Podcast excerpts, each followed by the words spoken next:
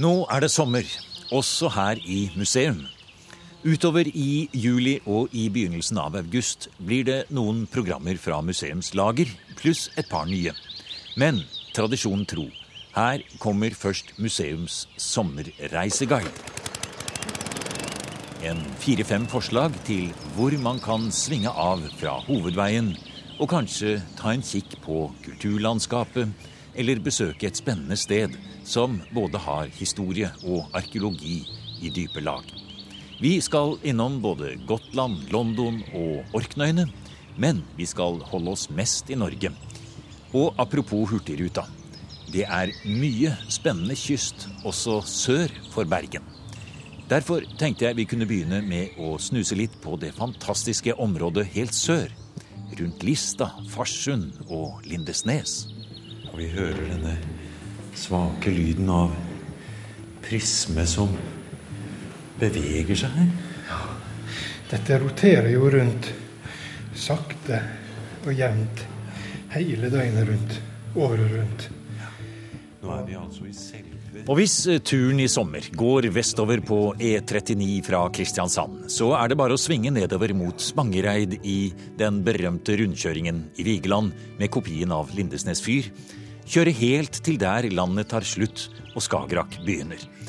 I det flotte Fyrmuseet der får man historien om Norges eldste fyr, og kanskje også lyden fra tåkeluren.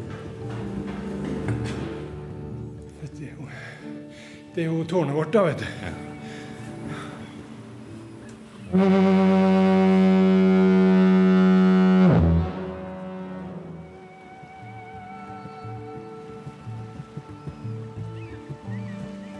Men la oss fortsette på museums reisetipsliste.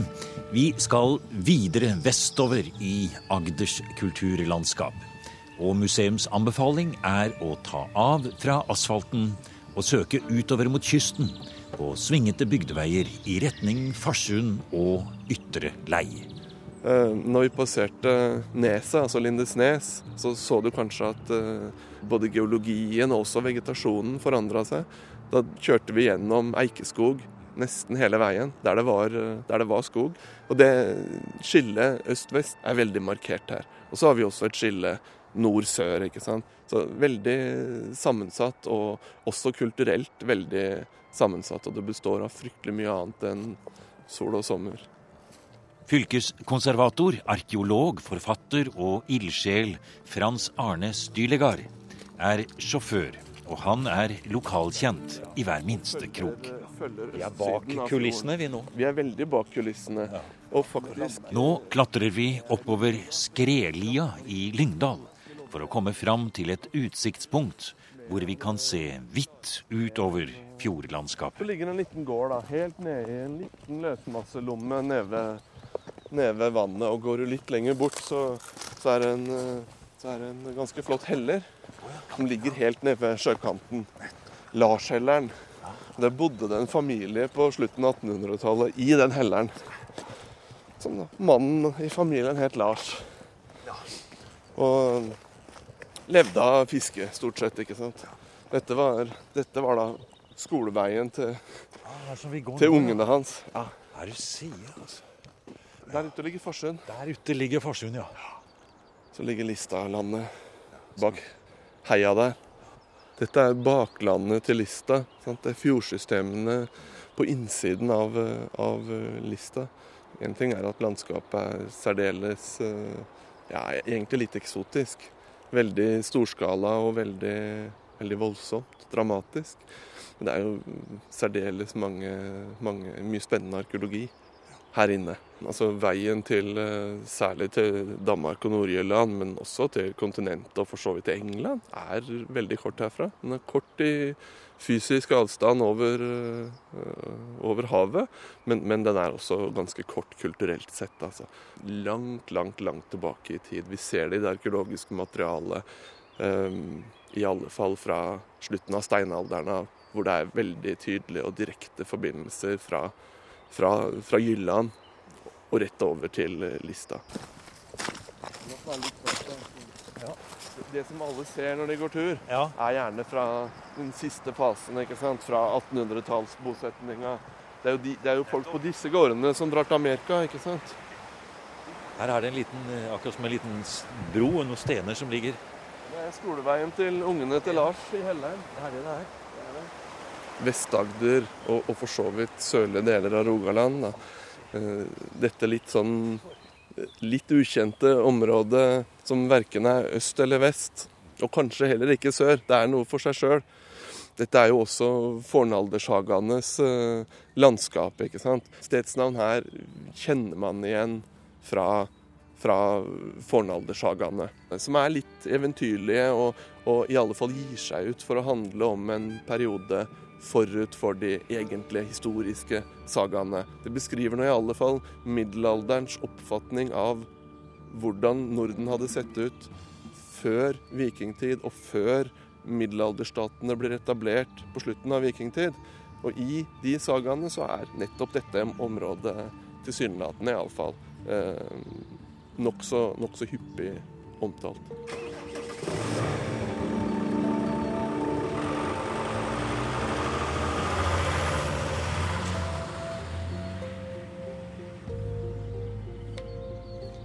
Og med dette blikket på Agders kulturlandskap fra fylkesarkeolog Frans Arne Styligard, og kanskje en tur innom museet på Lista, går Museums reisemagasin videre utover langs rv. 44 i retning Egersund.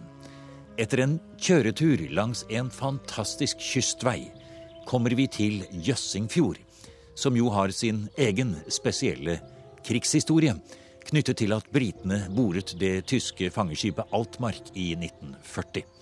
Men i Jøssingfjorden ligger også de berømte to små trehusene som er klemt inn under en utstikkende fjellhammer. Her tar vi en pause og følger stien til Helleren. Det er en typisk lyd her, Leif. Ja. Det her eh, vannet som er på vei ned fra fjellet gjennom et kraftverk. Gjennom et kraftverk og produsere energi til industrien for den moderne tid. Ja. Det er jo det som er typisk for, eh, for mange områder i Dalane. Det er på vei fra fjell mot havet. Havet som jo eh, på mange måter er vært et helt eh, bærende element i eh, forståelsen av hvordan folk livberger seg her, og hvordan folk har hatt det her opp gjennom tiden, og er det den, eh, den dag i dag. Og um, uten å se den sammenhengen, så uh, går en glipp av vesentlige deler av eh, historien og uh, muligheter til å forstå denne historien. Det er direktør Leif Dybing fra Dalane folkemuseum som viser vei til de små strandsitterhusene som har hele fjellet hengende over seg som tak.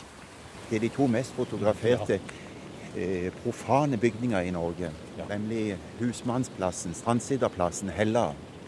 Men det som er interessant, er at Helland, i tillegg til at han er bebygd i nyere tid, òg står faktisk oppe et uutgravd steinalderboplass. Det som er spesielt her, det er at vi ser at husene står her uten takpanne. Bare tretak. Såkalte sutaket som står. Det var ikke nødvendig å spandere takstein her inne, for det står tørt her. For i og med at de står under denne helleren som da Fjellveggen som da altså hvelver seg ut over husene, så vil jo veldig mye av regnet ikke treffe.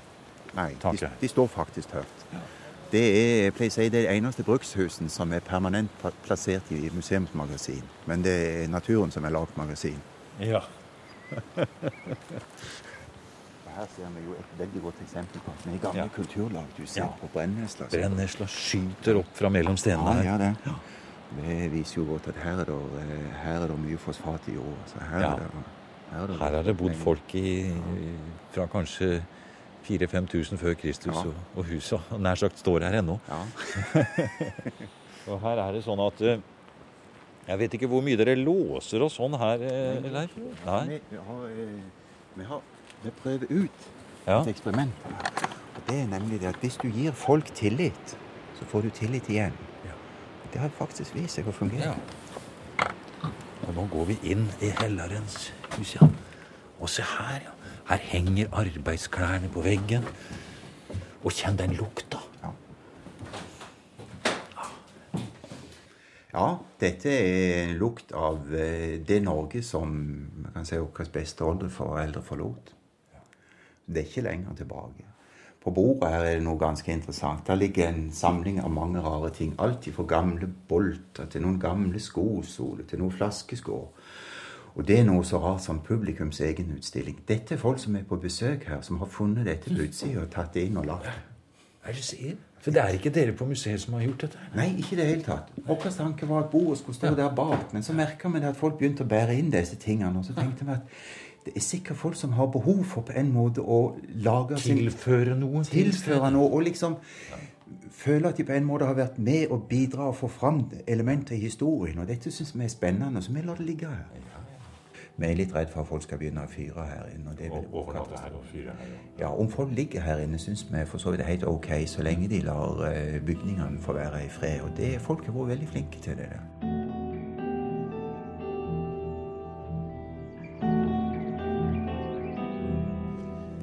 Nå begynner vi å nærme oss siste etappe på vår historiereise langs rv. 44, helt ute ved kysten i retning Egersund.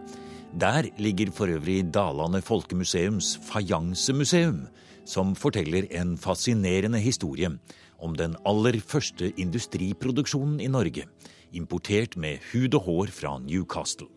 Men siden denne delen av museums forslag til sommertur har handlet om kulturlandskap og opplevelser ute i naturen, tar vi av fra riksveien ved Sogndal og finner en smal, liten grusvei som snegler seg gjennom et utrolig flott dalende landskap.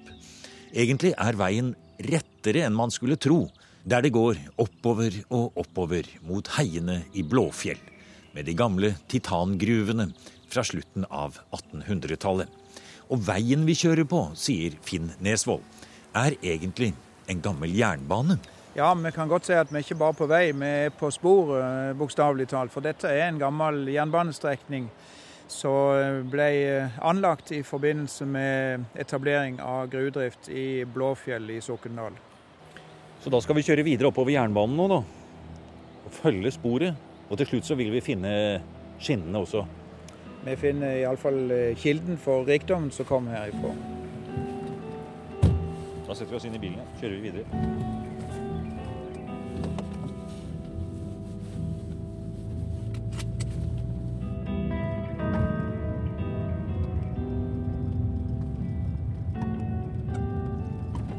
Vi kjører videre oppover Blåfjelldalen og følger den gamle jernbanetraseen. I 1860-årene, før engelske ingeniører og lokal arbeidskraft bygde jernbanen, ble malmen fraktet nedover til Rekefjord med hest og kjerre. Der ble den lastet opp og skipet til England. Da skinnene kom på plass, rullet vognene av seg selv nedover, med engelske bryggerihester på en vogn bakerst. De skulle trekke de tomme vognene opp igjen. Helt hit opp til den store plattformen øverst i dalen. Norge har fungert som et kontorbygg, men det er jo faktisk talt et forsamlingshus som blir kalt for bedehuset.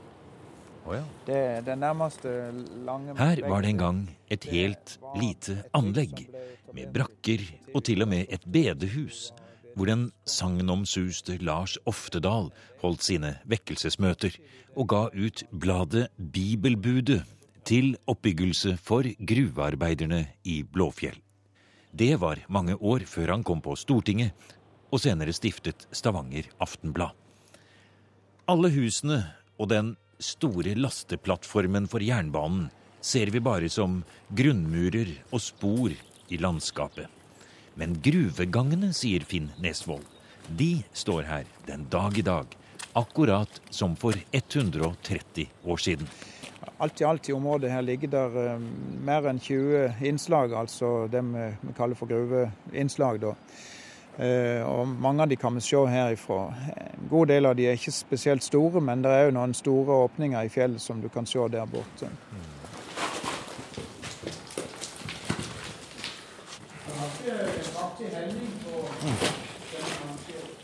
Mange etasjer her med gruver. Det eneste lille sten her er flyttet på med håndmakt. Med håndmakt og tyngdekraft, ja. ja. Se her går vi og ser på disse eldste jernbaneskinnene som, det, som jo er inni gruva her. Og den er jo korrodert, selvfølgelig. Og, ja. og her er det en, en jernvagg Altså som ligger oppå her? Du vet, Jernbanen har jo sitt opphav i gruvene. den. Ja, nettopp. Det står der det alltid har stått, og det får kanskje få lov til å stå der til det forsvinner. Altså Av og til så kan det vel i disse litt kjappe tider være litt interessant at en stopper ned og tenker på og ser at det er noe som heter forgjengelighet her i livet. Og mm. alt, ingenting varer evig. Og eh, det som eh, en gang var blankt og flott, det skal en gang ha en ende. og Det, det ser en her. Så her er det, her er det litt filosofi òg inne i historien. historie. Historie er jo på mange måter refleksjon over, over en sjøl.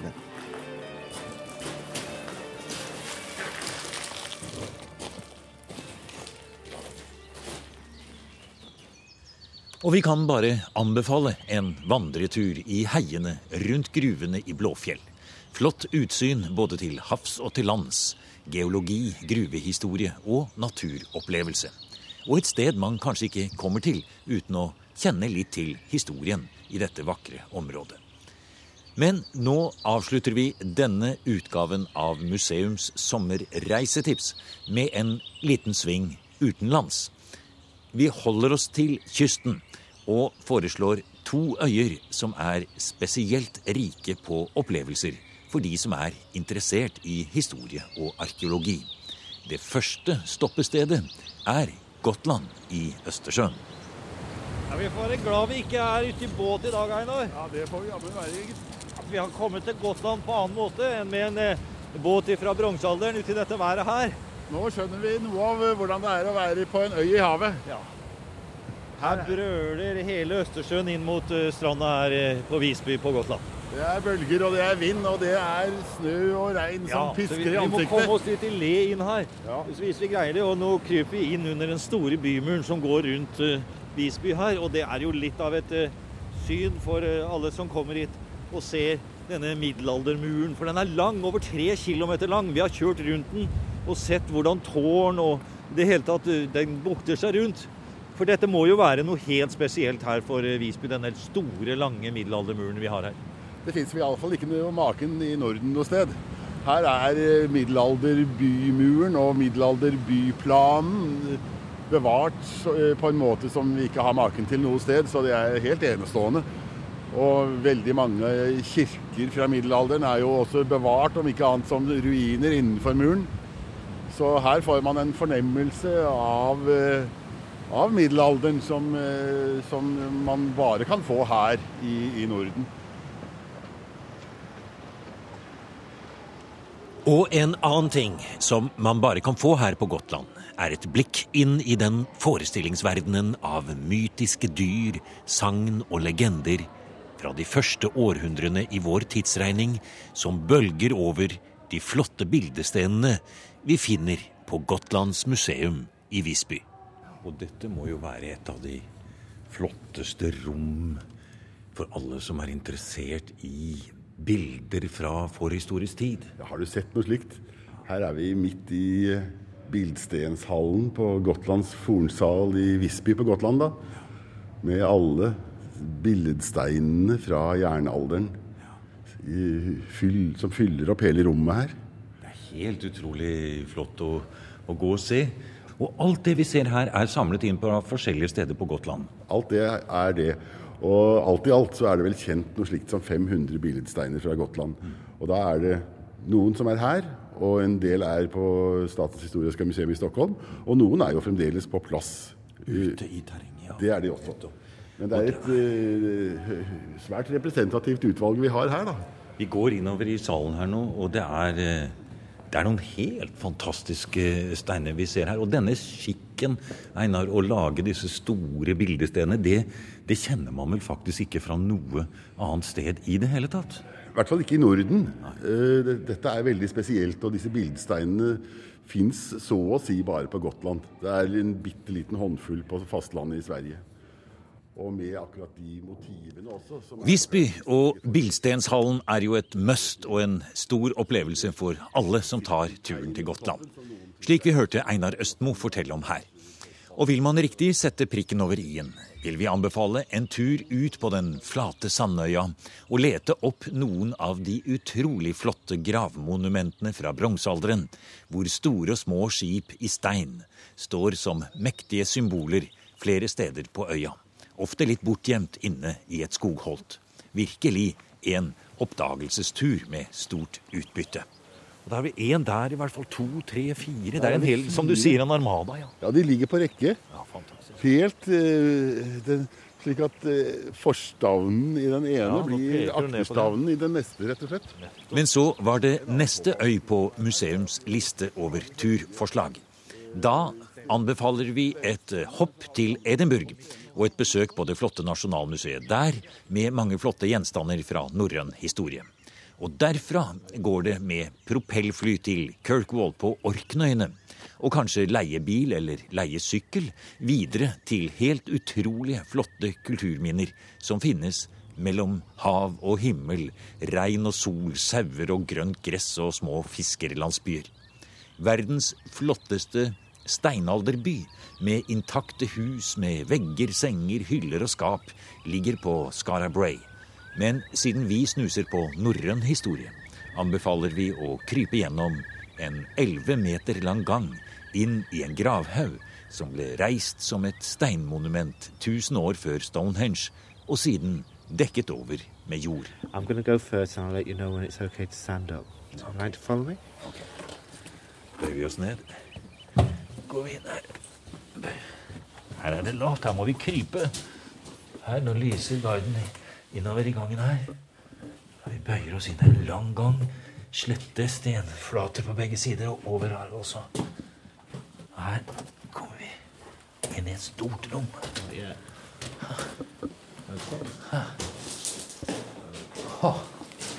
Her er vi inne, ja. Ok.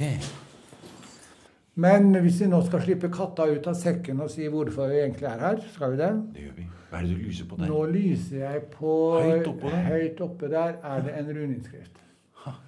Og det er flere. Det er mange. Der har vi en. Langs en stor hjørnesten står loddrett nedover hele. Der har vi ikke snakke om her. Her har vi en stor Og nå holder du lommelykta på skrå, så vi ser innover langs siden der. Der er det en mengde runer. Det er faktisk en 30-talls runeinnskrifter på veggene her, som er fra rundt 11, midt på 1100-tallet, tror vi. Som i type og språkform er nokså lik de runeinnskriftene vi kjenner fra Norge fra samme tid. Særlig de vi kjenner fra tidlig middelalder, da, som vi kjenner fra Bryggen i Bergen f.eks., og, og Oslo og Trondheim og Tønsberg. Disse middelalder, disse pinnene man har funnet der. Men her har man da visninger i stein, mens både språket og eh, runene er, er veldig likt. Ja, her forlater vi runeforsker Terje Spurkland midt inne i Mayshove på Orknøyene. Et besøk til disse øyene er noe vi kan garantere blir en flott opplevelse for alle historieinteresserte. Og dessuten er det et berømt whiskydestilleri med eget museum og omvisning. Og fullt av annen verdenskrigshistorie med Scapa Flow og mange andre ting å oppdage. Nå har vi kommet helt fram til slutten i museums sommermagasin. Men det er umulig å forlate de britiske øyer uten å gå innom British Museum. Utstillingen står bare til litt over midten av juli, men den som rekker å få med seg Afghanistans skatter, kommer ikke til å angre. Det gjør et voldsomt inntrykk å se den arkeologiske verdensarven som er reddet unna Talibans systematiske ødeleggelse. Altså, kan det sies mer kraftfullt, ikke sant? Altså, det er sprengkraft i, i kultur, ikke sant? Altså, de gjør det fordi at de mener dette her gir noen signaler utad, ikke sant?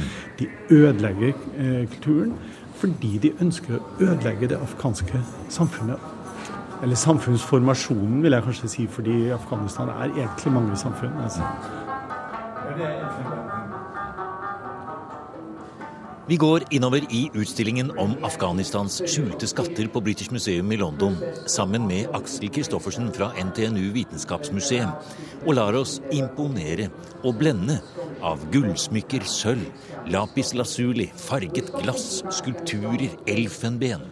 Vi ser kunst og handel, krig og fred, med et tidsspenn som går fra 4000 år før vår tidsregning og fram til røttene for den nomadekulturen som fortsatt eksisterer i Afghanistans fjell. Det grepet de har gjort med utstillingen her, er jo at de har satt disse arkeologiske funnene inn i en kontekst som også drar frem Afghanistans ressurser, eh, både naturressurser og kulturressurser.